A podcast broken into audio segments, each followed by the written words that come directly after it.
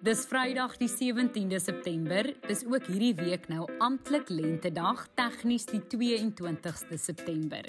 Dan is dit ook hierdie week die 30ste nuus met spies episode waar ek jou op hoogte bring van die week se belangrikste nuusgebeure. So hier is jou weeklikse bondige nuusoorseig met my Mia Spies.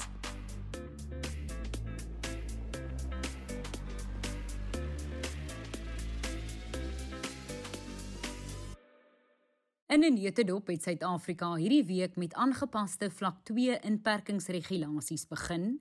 Meer as 15,4 miljoen COVID-19 inentings is nou al in die land toegedien. Safra het die groen lig gegee dat kinders oor 12 die Pfizer-enstof mag ontvang. Die OVK is gereed vir die registrasie naweek vir die munisipale verkiesing. Die matriekse eksamenrooster is verander as gevolg van hierdie verkiesing. Zuma hoor vandag of sy tronkstraf herroep gaan word en die Karibeker bly in Pretoria. Net voor ons begin, as jy elke Vrydag hierdie podcast in jou WhatsApp inbox wil kry, druk net op die skakel in die plasing hierbo. Hoofnuus hierdie week is dat Suid-Afrika van vlak 3 van die inperking na vlak 2 geskuif het. President Cyril Ramaphosa het Sondag aan die verligting van talle inperkingsmaatreëls aangekondig omdat al 9 provinsies 'n afname in die daaglikse nuwe gevalle getoon het. Daar is egter steeds kommer oor twee provinsies. The two provinces that stand out from the others are the Northern Cape and the Free State. Where the number of infections as a proportion of the population has remained relatively high for several months now. We are therefore focusing our efforts on these two provinces to understand what is driving these infections and what measures we need to take to bring them down.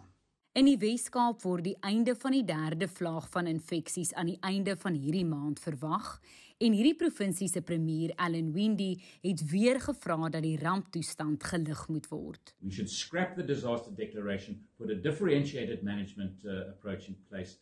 Uh, and that we need to now work on. How are we going to make that work between now and the fourth wave? Windy het ook gesê dat die doelwit is om soveel as moontlik mense voor die 4de golf in te ent. Landwyd is in totaal nou al meer as 15,4 miljoen inentings toegedien. We're finding that more women than men are coming forward to be vaccinated against COVID-19. Although the numbers are improving, men are still slow in coming forward to be vaccinated. We are spreading the message in all languages in our country to ensure that people understand that these vaccines are safe, effective and free. Intussen het die komitee oor enstofveiligheid bevind dat geen sterftes in die land na die COVID-19-inenting met die enstof verband hou nie. Hierdie komitee se professor Hanelie Meyer. Amongst the 40 um that's been causality assessed, uh, none of those uh, were related to any of the COVID-19 vaccines we are using in South Africa. And as you can see, there 13 of them had died because of COVID 19 disease. And one of the cases was actually a breakthrough infection. So these people who died because of COVID 19, they had already incubated COVID 19 at the time of vaccination, or they contracted COVID 19 shortly after being vaccinated. Intussen is die Pfizer-enstof deur die Suid-Afrikaanse Gesondheidsprodukte Beheerraad vir 12-jariges en ouer goedgekeur.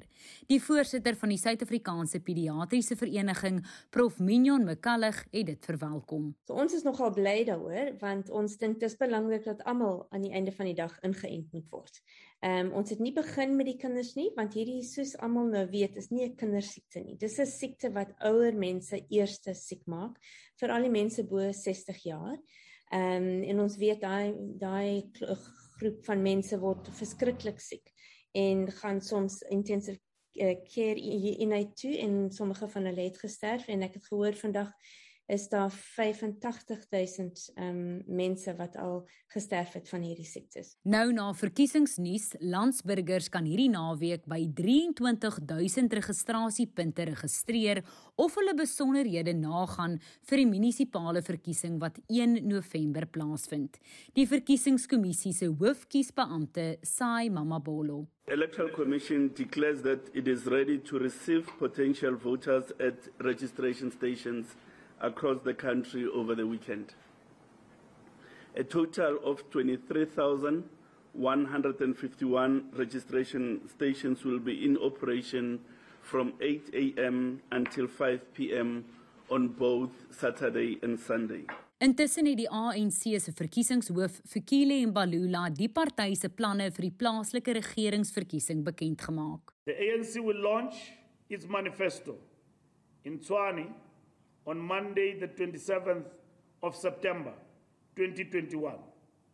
The weekend of the manifesto launch will be preceded by community engagements led by the President Cyril Matamela Ramaphosa and the leadership of the ANC. Dan is die begin van die matriekeksamen vervroeg weens hierdie verkiesing.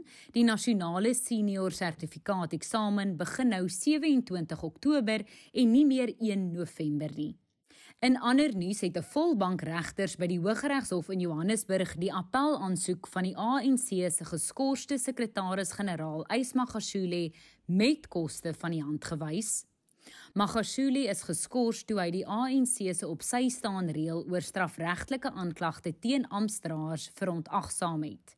Die ANC se woordvoerder Pule Mabe. The ANC has always been uh certain that uh, the case it brought forward is consistent with its own constitution and that it did not act outside the parameters of its own constitution in terms of executing the decision uh, to ask the SG to step aside, consistent with a resolution taken at the 54th eh, National Conference. Dan om vandag dop te hou, oud-president Jacob Zuma hoor of sy tronkstraf herroep gaan word of nie. Zuma is vroeër tot 15 maande gevangenisstraf gefonnis vir minagting van die hof, maar hy is tans op mediese parol. Die konstitusionele hof sal om 10:00 vanoggend uitspraak lewer. Die adjunkminister in die presidentskap vir vroue, die jeug en mense met gestremthede, Hlengiwe Mkhize, is in die ouderdom van 69 oorlede, dit na 'n kort siekbed. Mkhize is in 2019 as adjunkminister in die presidentskap aangestel. Nou na Gauteng waar die ses verdagtes wat vroeër in hegtenis geneem is vir die moord op die fluitjieblaser Babita Dekoran vir 'n tweede keer in die hof verskyn het, die saak is uitgestel tot 1 en 5 Oktober.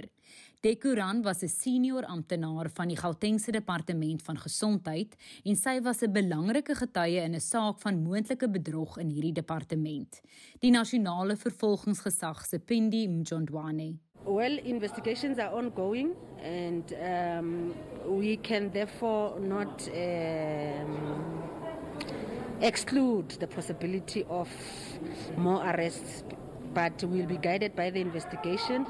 Um, if the investigation points uh, to more people that must be arrested, then that will happen. If not, then we proceed with the accused that we have before court. Nou na buitelandse nuus, dit was Saterdag presies 20 jaar sedert die 9/11 terreuraanvalle. Die Amerikaanse president Joe Biden het saam met duisende mense by die Ground Zero herdenkingsmonument in Manhattan, New York byeengekom om hulde aan die slagoffers te bring. To the families of the 2977 people from more than 90 nations killed on September 11th, 2001 in New York City. Arlington, Virginia, and Shanksville, Pennsylvania, and the thousand more who were injured. America and the world commemorate you and your loved ones, the pieces of your soul. We honor all those who risked and gave their lives in the minutes, hours, months and years afterward. Dan laastens moet ek noem dat die Karibeker in die Bulkamp bly, dit nadat die manne in blou die Haie Saterdag 44-10 geklop het in die eindstryd. The final whistle is gone. The game is over. The Bulls are the champions of 2021 for the second time this year. and uh, they fully deserve it. Nou dat jy op hoogte is van sake na ons 30ste episode, is jy reg om te gaan naweek hou. Nuus met Spies is 'n produksie in samewerking met die Potgooi Produksiehuis Volume. Ons vervaardigers is Roland Perolt en Andy Siwe May en ons kenwysie is deur Curtis Kahl gekomponeer. Tot volgende Vrydag, bly veilig.